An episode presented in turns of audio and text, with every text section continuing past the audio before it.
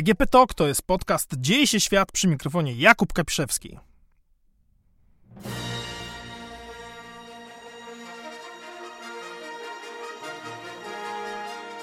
Nie, nie, nie, nie, nie, stop, stop, stop, realizacja. Nie, nie, nie, zaraz, to jakieś nieporozumienie. W ten sposób to się może zaczynać podcast, ale Marcina Cichońskiego po stronie kultury. Chociaż nie, sekundę, zaraz. Jakby się tak, jakby się tak zastanowić, to może, może, może puśćmy to jeszcze raz. Dawno, dawno temu, w odległej galaktyce, po kilku tygodniach zaciekłej walki na planecie Waszyngton, siłą demokratów udało się doprowadzić do impeachmentu złego imperatora Donalda Trumpa. Postawiwszy mu zarzuty nadużywania władzy i utrudniania pracy kongresowi, demokraci szykują się do finałowej konfrontacji w Senacie, do której dojdzie prawdopodobnie już po nowym roku w styczniu. Przed wielką bitwą szyki zwierają również przeciwnicy demokratów i stronnicy Donalda Trumpa, tak zwani republikanie. Odgrażają się, że nie dopuszczą do usunięcia stronu swojego lidera, który w przyszłym roku będzie się zresztą ubiegał o galaktyczną reelekcję. Impeachment nie jest mu więc na rękę. Tak jest. Impeachment, czyli powód, dla którego w tym roku prezydenckie święta nie będą tak wesołe jak chociażby te sprzed lat, kiedy Donald Trump miał okazję wskazać drogę małemu Makalejowi Kelkinowi w filmie Kevin Sam w domu 2. Przepraszam, którędy do lobby? Do końca korytarza i w lewo. Ciekawostka, która nie ma związku z impeachmentem. Scena odbywa się w nowojorskim hotelu Plaza, który wówczas, kiedy kręcono film, należał do dzisiejszego prezydenta Donalda Trumpa, a wtedy jedynie jeszcze nowojorskiego biznesmena. I Trump za każdym razem, kiedy zezwalał ekipom filmowym na to, żeby kręciły coś na terenie jednej z jego nieruchomości, prosił również producentów, żeby wstawili do scenariusza jedną małą scenkę z jego udziałem. Stąd właśnie to zdanko w drugiej części Kevina samego w domu. Wystarczy już tych odniesień do filmów, przejdźmy do samego impeachmentu, ponieważ w tym tygodniu, czyli tygodniu poprzedzającym święta Bożego Narodzenia, Izba Reprezentantów Stanów Zjednoczonych impeachowała, nie mamy chyba dobrego polskiego odpowiednika na to słowo, impeachowała prezydenta Donalda Trumpa. Wydarzenie jest absolutnie historycznych rozmiarów, ponieważ w historii USA tylko dwóch prezydentów zostało poddanych impeachmentowi. Andrew Johnson w 1868 roku i Bill Clinton w 1998 roku. Z impeachmentem najczęściej kojarzony jest co prawda Richard Nixon, ale nie jest to dobre skojarzenie. Znaczy jest i nie jest zarazem, dlatego że Nixon zrezygnował ze stanowiska zanim kongres cokolwiek zrobił. Kongres planował wtedy impeachować prezydenta, natomiast zanim cokolwiek zostało zrobione, Nixon podał się do dymisji i złożył swój urząd. Z tego względu bardzo ważne jest, żeby zrozumieć, czym tak naprawdę impeachment jest. Na jakim w tej chwili znajdujemy się etapie i jakie będą kolejne kroki tego procesu politycznego w Stanach Zjednoczonych. Na początek bardzo ważne rozróżnienie. Impeachment nie oznacza usunięcia z urzędu. Impeachment może prowadzić do usunięcia z urzędu, natomiast to nie jest usunięcie z urzędu. Tak naprawdę można powiedzieć, że jest to postawienie w stan oskarżenia. Tyle, że nie robi tego prokurator, tylko ciało ustawodawcze. W tym wypadku jest to amerykańska Izba Reprezentantów. Kiedy więc słyszymy, że Donald Trump został poddany impeachmentowi, to tak naprawdę znaczy tyle, że amerykańscy kongresmeni postawili mu jakieś zarzuty. Uważamy, że prezydent popełnił następujące uchybienia nielicujące z jego urzędem. To wszystko. I właśnie z tego względu Bill Clinton, chociaż został postawiony w stan impeachmentu, nie stracił stanowiska. Chociaż Andrew Johnson został postawiony w stan impeachmentu, też nie stracił stanowiska, bo impeachment tylko do usunięcia z urzędu prowadzi, czy też raczej może prowadzić, ale nie jest z nim tożsamy. Z urzędu prezydenta usuwa Senat w procesie, który jest następstwem impeachmentu, ale do tego wrócimy za chwilę. Na razie być może niektórzy z Was, którzy nie śledzą na bieżąco amerykańskiej polityki, mogą sobie zadawać pytanie, no przecież tego Trumpa oni tam cały czas krytykują, to dlaczego ten impeachment dopiero teraz jest? I to jest bardzo dobre pytanie. Przecież wystarczy sobie przypomnieć tak naprawdę dosyć długą listę grzechów Donalda Trumpa. Na przykład, kiedy jego osobisty prawnik Michael Cohen przyznał, że zapłacił aktorce filmów porno Stormy Daniels za milczenie w sprawie krótkiego romansu aktorki z ówczesnym jeszcze biznesmenem podczas kampanii wyborczej, za co Michael Cohen zresztą trafił do więzienia. New York Times dodatkowo od trzech lat bardzo dokładnie śledzi perypetie podatkowe Trumpa i gazeta mówi wprost, prezydent w trakcie całej swojej kariery w biznesie prawdopodobnie unikał płacenia podatków, nie płacił tyle, ile powinien był płacić, korzystając z różnych podatkowych trików. Idźmy dalej. Rodzina prezydenta, córka Iwanka i zięć Jared Kushner są zatrudnieni w Białym Domu na stanowiskach starszych doradców i obydwoje używali do służbowych celów prywatnych kont pocztowych. A przecież to jest tak jakby osnowa, oś i główny leitmotiv kampanii wyborczej Trumpa z 2016 roku, gdzie właśnie to zarzucał swojej przeciwniczce Hillary Clinton, że używała prywatnej skrzynki do prowadzenia oficjalnej państwowej korespondencji. Co więcej, syn Donalda Trumpa, Donald Trump Jr., spotkał się w czerwcu 2016 roku z rosyjską prawniczką Natalią Weselnicką w Trump Tower w Nowym Jorku w sprawie szukania haków na Hillary Clinton i Donald Trump Jr. napisał o tym oficjalnie na Twitterze.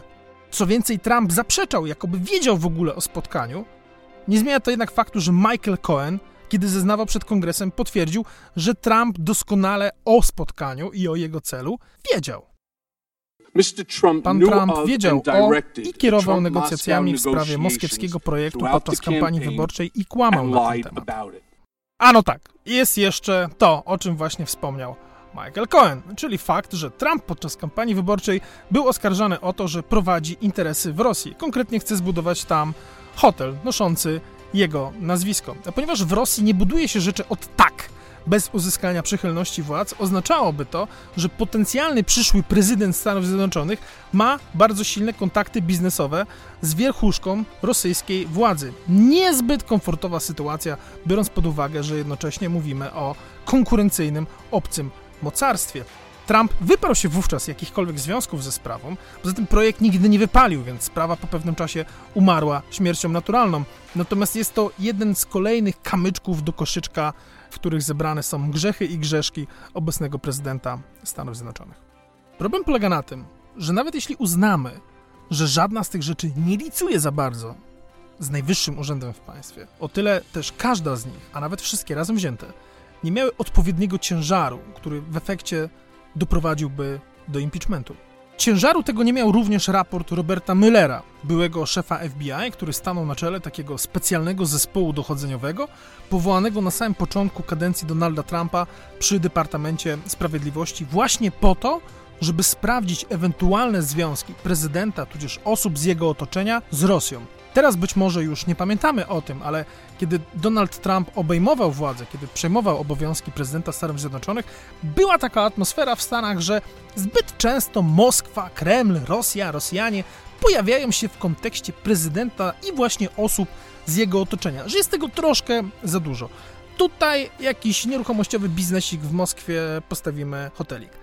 Tutaj były agent brytyjskiego wywiadu wydaje tajne dossier, w którym jest stwierdzone, że Rosjanie mają na Trumpa kompromaty. Jednym z nich taśma wideo, na której widać jak już urzędujący prawie prezydent, biznesmen nowojorski, zabawia się w jednym z moskiewskich hoteli z prostytutkami w grę zwaną z angielskiego Golden Shower.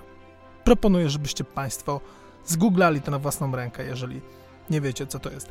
Golden Shower i różne, różne, różne inne rzeczy. Pojawiło się wtedy ciśnienie polityczne, aby te sprawy wyjaśnić. Stąd właśnie powołano Roberta Müllera, byłego szefa FBI, cieszącego się zresztą bardzo dużym szacunkiem, jako świetny dochodzeniowiec, doskonały śledczy. Raport Millera był widziany jako coś, co może doprowadzić do politycznego trzęsienia ziemi w Stanach Zjednoczonych, ponieważ wszyscy uważali, że tych poszlak wskazujących na związki Trumpa i jego otoczenia z Rosją jest po prostu zbyt dużo, że coś z tego raportu musi wyjść. I niestety nic takiego się nie stało, ponieważ raport, kiedy wyszedł po takim przeciąganiu liny, czy opublikować go w całości, czy trzeba powycinać z niego treści, ile powycinać, jak dużo, czy nie zostanie wykastrowany w ten sposób, został opublikowany i niestety nie zawierał żadnych jasno komunikowalnych dla opinii publicznej zaleceń typu tak, uważamy, że prezydent jest winny temu, temu i owemu. Z lektury raportu wynika, że Trump i jego otoczenie wielokrotnie starali się uciąć głowę dochodzeniu, co jest oczywiście bulwersujące, natomiast nie ma takiej takiej puenty, dzięki której każdy mógłby zrozumieć, tak, prezydent zrobił coś niedobrego, powinniśmy coś z tym zrobić, coś w tym wypadku oznaczałoby impeachment, bo mówimy o urzędującym prezydencie, a wytyczne Departamentu Sprawiedliwości są takie, że urzędującego prezydenta postawić w stan oskarżenia nie wolno. Skoro raport nie zawierał żadnych konkretnych takich jasnych wniosków, prezydent od razu po jego publikacji powiedział, że został w nim kompletnie oczyszczony z zarzutów. Żeby w jakiś sposób jednak się odnieść do tego, kongresmeni zaprosili na Kapitol właśnie Roberta Müllera. Kongresmeni zadali mu takie pytanie, na które proszę zwrócić uwagę, Müller odpowiedział w bardzo krótki i stanowczy sposób. A co z oczyszczeniem z zarzutów? Czy faktycznie kompletnie oczyścił pan prezydenta z zarzutów? No. Więc podsumowując, biorąc pod uwagę te wszystkie grzechy i grzeszki prezydenta, a jest ich naprawdę mnóstwo, włącznie z faktem, że kiedy prezydent jedzie odpoczywać do należącego do niego kurortu Mar-a-Lago na Florydzie, gdzie przebywa dosyć często, Secret Service, czyli ochrona prezydencka, musi płacić firmie prezydenta za wynajem pokoi i pomieszczeń do prowadzenia działalności operacyjnej. Więc naprawdę jest tego bardzo, bardzo dużo. I chociaż w Partii Demokratycznej aż wrzało od zawołań do impeachmentu, biorąc pod uwagę, że w zeszłym roku demokraci wygrali wybory i pojawiło się w Izbie Reprezentantów dużo świeżej krwi i tym bardziej jeszcze więcej nawoływań do tego, żeby impeachować urzędującą głowę państwa, to spikerka Izby Reprezentantów, demokratka Nancy Pelosi stwierdziła w marcu, on nie jest tego wart. Szanowni Państwo, to jest po prostu bez sensu. Jest to awantura polityczna, zostaliśmy ciężko nauczeni przykładem impeachmentu, czy raczej nie my, tylko nasi oponenci polityczni zostali ciężko doświadczeni przykładem impeachmentu Billa Clintona, że nie jest to procedura, która jest w stanie zatopić czyjąś prezydenturę, wręcz przeciwnie może doprowadzić do zwyżki w notowaniach, w związku z czym jest to ryzykowna zagrywka, zagrywka lekko w bank, o ile nie będziemy mieli czegoś, co po prostu dobitnie pokaże, że prezydent nie jest dobrym człowiekiem, nie angażujemy się w ogóle w ten proces aż w końcu we wrześniu wybuchła długo oczekiwana przez demokratów bomba i pojawiła się informacja, jakoby Trump w rozmowie telefonicznej naciskał na ukraińskiego prezydenta Wołodymyra Zełęńskiego, aby ten wszczął śledztwo w sprawie Huntera Bidena, syna byłego wiceprezydenta Stanów Zjednoczonych, który obecnie ubiega się o nominację Partii Demokratycznej w wyborach nadchodzących przyszłorocznych wyborach prezydenckich. Chodziło o to, aby Ukraińcy znaleźli na młodego Bidena jakieś haki i jednocześnie prośba ta niefortunnie dosyć nałożyła się na fakt wstrzymania przez prezydenta pomocy wojskowej dla Ukrainy w wysokości 400 milionów dolarów. Na talerzu było również spotkanie Zełenskiego z Trumpem w gabinecie owalnym dla nowego prezydenta kraju, który znajduje się w tak trudnej sytuacji, z tak trudnym sąsiadem zamiedzą jak Rosja, byłby to bardzo, bardzo ważny taki symboliczny gest. I co prawda, kiedy mleko się wylało, Trump odblokował środki, pomoc wojskową, niestety było już za późno.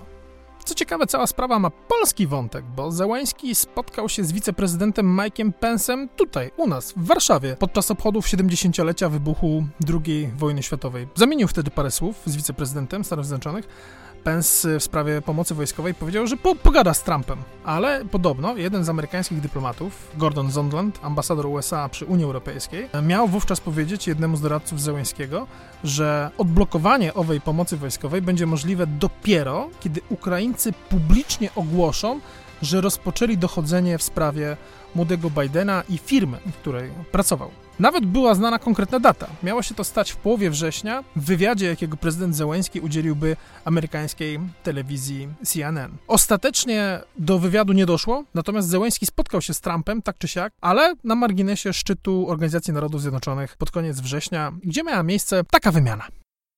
Czy prezydent Trump naciskał na pana, aby wszczął pan śledztwo w sprawie Joe'ego Bidena lub jego syna Huntera? Myślę, że wszyscy już Państwo czytaliście na ten temat. Czytaliście też transkrypt. Bardzo przepraszam. Ale nie chcę ingerować w otwarte, demokratyczne... Democratic, Jak to się mówi? Wybory. Um, Wybory w Stanach Zjednoczonych. Mm, wybory, elections. Elections of USA. Mieliśmy, no, jak mi się wydaje, owocną rozmowę.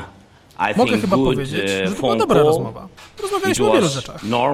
Wydaje mi się, a Państwo na pewno też o tym czytaliście, że nikt mnie do niczego nie zmusił.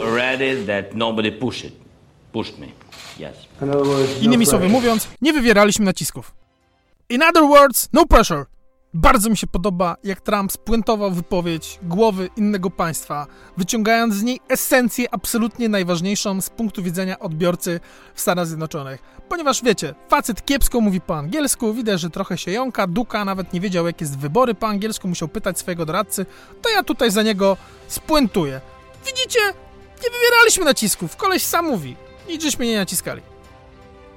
Problem polega na tym, że Ukraina, Ukraińcy i Wołodymir Zełański osobiście nie mają takiego komfortu, żeby stawiać się prezydentowi USA w jakiejkolwiek sprawie. I nie trzeba być geopolitycznym geniuszem, żeby zrozumieć, dlaczego tak jest. Zaanektowany Krym, tlący się na wschodzie kraju konflikt, problemy z dostępem do Morza Azowskiego i działania marynarki wojennej Federacji Rosyjskiej w tamtym e, regionie, uzależnienie od rosyjskiego gazu i szerzej od współpracy energetycznej, gospodarka, która ledwo wygrzebała się z ruin, wzrost gospodarczy w tym roku, co prawda 3,4%, takie są szacunki Banku Światowego, ale trudno powiedzieć, czy to tempo wzrostu uda się utrzymać w kraju, którego bebechy, jeśli można tak powiedzieć, i podstawy wzrostu gospodarczego nie są bardzo, bardzo zdrowe. Co więcej, kraj wisi na zagranicznych partnerach, bo potrzebował ich pomocy, jeśli idzie o restrukturyzację zadłużenia 4 lata temu, a do tego nie jest przecież wystarczająco silny militarnie, żeby stawić samodzielnie czoła Rosji, w związku z czym potrzebuje tej pomocy militarnej. To raz. A dwa, to, że Trump naciska na Zełenskiego, wynika nawet z transkryptu rozmowy między dwoma liderami, w której Trump mówi wprost: Chciałbym, żebyś wyświadczył nam przysługę. I wspomina najpierw o kwestii ukraińskich serwerów, Chodzi mianowicie o to, że przez jakiś czas w tym roku prezydent taką teorię serwował, że tak naprawdę wybory w 2016 roku to nie mieszali się Rosjanie, tylko ktoś z Ukrainy. A potem wspomniał o Hunterze Bidenie. I Zełęński, co widać w transkrypcie, zgadza się absolutnie na wszystko. Informuje swojego kolegę ze Stanów Zjednoczonych, że następny prokurator generalny będzie w 100% jego kandydatem, bo przecież ma większość w parlamencie. I czytając transkrypt z tej rozmowy, nie ma najmniejszych wątpliwości, jaki tu jest stosunek sił. Dlatego, że Zełenski każdą sugestię Trumpa przyjmuje i widać, że ewidentnie stara się przypodobać się prezydentowi. Mówi więc na przykład, zgadzam się z panem, panie prezydencie, nawet nie w 100%, ale w 1000%, że Merkel i Macron nie robią wystarczająco dużo dla Ukrainy. I że szerzej w ogóle Europa nie robi dla Ukrainy tyle, co na przykład Stany Zjednoczone. Mówi, że zwolniona przez Trumpa ambasador USA na Ukrainie, miała miejsce taka sytuacja, nie była tak naprawdę aż tak dobra wcale, bo przecież nie akceptowała go jako głowy państwa w wystarczającym stopniu oraz podziwiała poprzedniego prezydenta USA, czyli Baracka Obamę. No nie ma prostszej drogi, żeby wkupić się w łaski Donalda Trumpa. To jest zagrywka prawie tak samo prosta, jak deklaracja, że chciałoby się mieć u siebie Fort Trump, ale z drugiej strony gramy tak, jak pozwala nam przeciwnik, a ten przeciwnik nie pozwala nam na zbyt dużo, więc nawet jestem w stanie Zełęńskiego zrozumieć. Nie wnikajmy już w szczegóły tego, w jaki sposób stało się wiedzą publiczną fakt, że Trump odbył z Zełęński taką rozmowę i że wywarł na niego takie naciski. Najważniejsze z naszego punktu widzenia jest fakt, że ta afera dała demokratom potrzebną im amunicję. To wreszcie była sprawa o tym ciężarze gatunkowym, z tą gravitas, która nadawała się do tego, żeby wszcząć procedurę impeachmentu. I ponieważ w partii zawrzało, szeregi się po prostu zwarły, Nancy Pelosi, przewodnicząca demokratów w Izbie Reprezentantów, Izbie Niższej Kongresu, w końcu powiedziała: OK, robimy to. Zanim jednak kongres sformułuje zarzuty wobec urzędującego prezydenta, prowadzi przesłuchania. Znaczy nie chodzi o to, żeby impeachment był jakimś sądem kapturowym, tylko on nosi znamiona takiego dochodzenia po prostu prowadzonego przez władzę ustawodawczą. No i oczywiście powołano świadków, którzy pojawiali się na Kapitolu. Byli to głównie zawodowi dyplomaci, którzy albo pracowali na Ukrainie w czasie, o którym działy się rzeczy, o których tutaj mówimy, albo pracowali w Waszyngtonie, ale zajmowali się sprawami Europy Wschodniej i Ukrainy. I byli to na przykład William Taylor, który obecnie pełni obowiązki ambasadora USA na Ukrainie. USA nie mają w tej chwili ambasadora, jest tylko pełniący obowiązki. George Kent, który w latach 2015-2018 był zastępcą ambasadora na Ukrainie. Marii Jovanowicz była ambasador na Ukrainie, to jest właśnie ta pani, którą Trump zwolnił i o której w rozmowie Zełański mówił, że nie akceptuje go do końca jako głowy państwa. Aleksander Windman, dyrektor do spraw europejskich w Narodowej Radzie Bezpieczeństwa. To jest takie bardzo ważne ciało doradczo-decyzyjne, umocowane bezpośrednio przy samym prezydencie Stanów Zjednoczonych. Tim Morrison, były dyrektor do spraw europejskich w Narodowej Radzie Bezpieczeństwa. No i przede wszystkim Gordon Sondland, ambasador Stanów Zjednoczonych w Unii Europejskiej, bardzo ważny, o czym powiemy sobie za chwilę. Aby cały impeachment miał sens, demokraci musieli udowodnić, że Trump zażądał od Zełenskiego czegoś, co jemu przyniosłoby osobistą korzyść, a zrobił to wykorzystując fakt, że stoi na czele amerykańskiego państwa i że Zełenski się na to zgodził. W tym wypadku oczywiście chodzi o wsparcie polityczne, czyli wizytę w Białym Domu, ewentualnie pomoc wojskową, już zresztą zatwierdzoną przez kongres, tak? Prezydent po prostu wstrzymał te środki w zamian za polityczne haki na syna politycznego oponenta. I ten argument, że coś za coś przeszedł w amerykańskiej debacie publicznej pod nazwą quid pro quo łacińskiego. Potwierdził to zresztą podczas przesłuchania sam ambasador Zondland. Czy mieliśmy do czynienia z quid pro quo? Odpowiedź brzmi tak.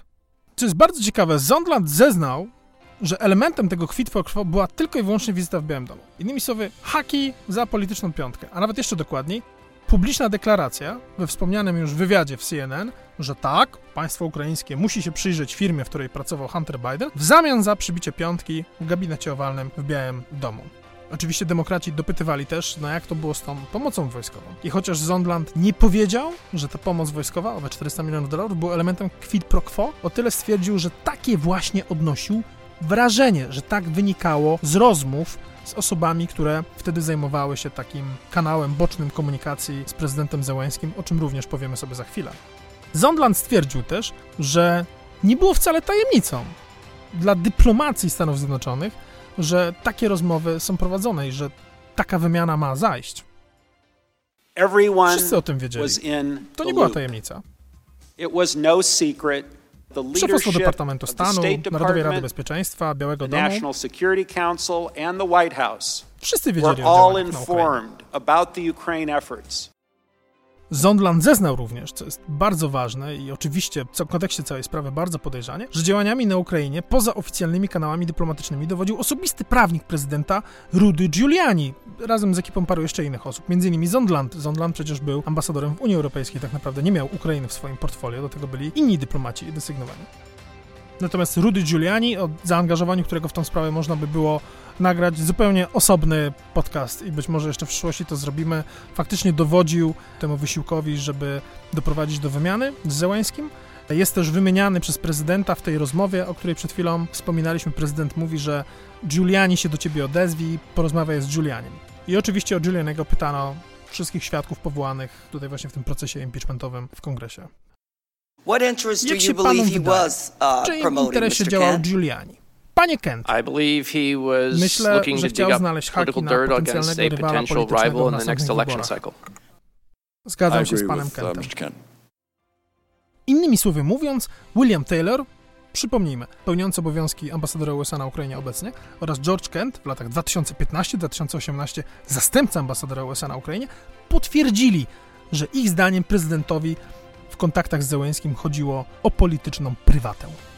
Na przesłuchaniach nie zabrakło również momentów satyrycznych, jak na przykład wtedy, gdy David Holmes, pracownik ambasady w Kijowie, jedna z osób wezwana, żeby właśnie odpowiedzieć na pytania kongresmenów, przyznał, że podsłuchał rozmowę ambasadora Zondlanda z prezydentem Trumpem, telefoniczną. Ambasador Zondland potwierdził, że jest na Ukrainie, po czym stwierdził, cytuję, Zełęński uwielbia twój tyłek. Potem prezydent Trump zapytał, czy w związku z tym otworzy dochodzenie? Zondland wtedy odpowiedział, tak, zrobi to, dodając, że prezydent Ukrainy zrobi wszystko, o co zostanie poproszony. Tutaj kilka słów wyjaśnienia.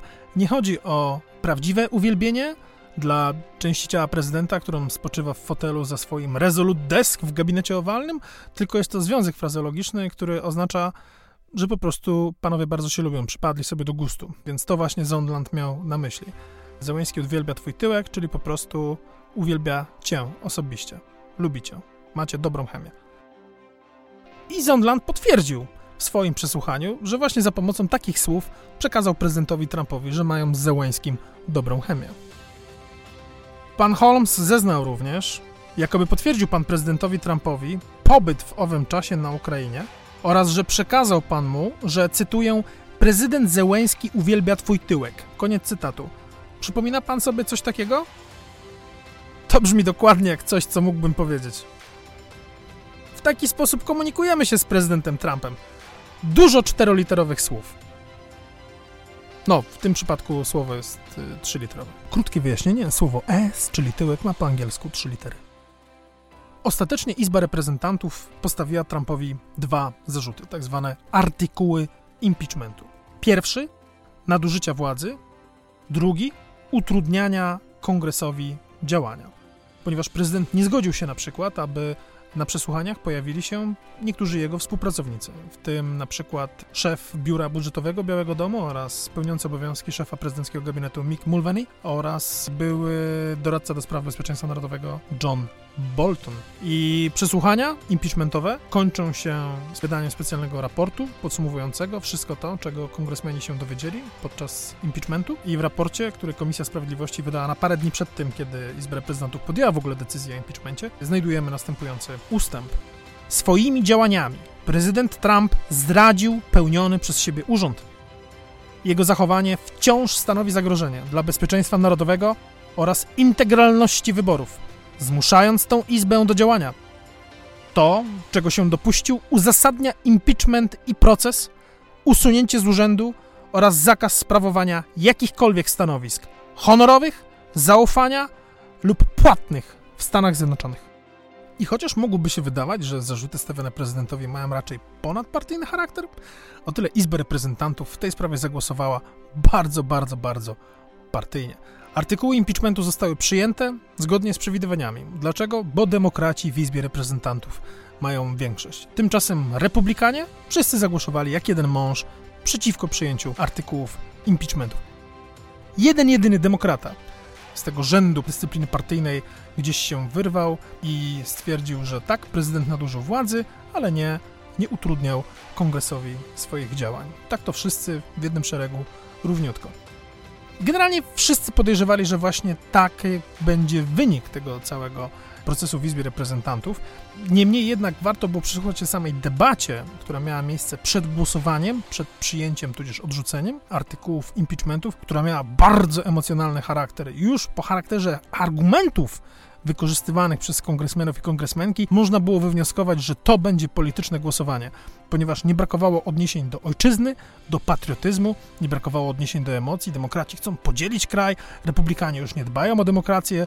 Byli tacy, którzy wychodzili i mówią, że zastanawiali się, jak mają dzisiaj zagłosować i pomyśleli, jak za 30 lat spojrzą w oczy swoim wnukom. I był nawet jeden kongresmen, który porównał proces Donalda Trumpa do procesu Jezusa. Kiedy Jezusa fałszywie oskarżono o zdradę, Poncjusz Piłat dał mu przynajmniej możliwość stanięcia wobec tych, co go oskarżali. Podczas tamtego lipnego procesu Poncjusz Piłat zagwarantował Jezusowi więcej praw niż demokraci prezydentowi tutaj. Tak bronił prezydenta Barry Laudermilk, republikanin z Georgii. A kiedy Izba Reprezentantów głosowała nad artykułami impeachmentu, Donald Trump akurat miał jeden ze swoich wieców powiedzielibyśmy wieców wyborczych, no ale wyborów jeszcze nie ma. Jest po prostu wieców politycznych w stanie Michigan. I posłuchajmy, w jaki sposób prezydent skomentował całą tą aferę z impeachmentem.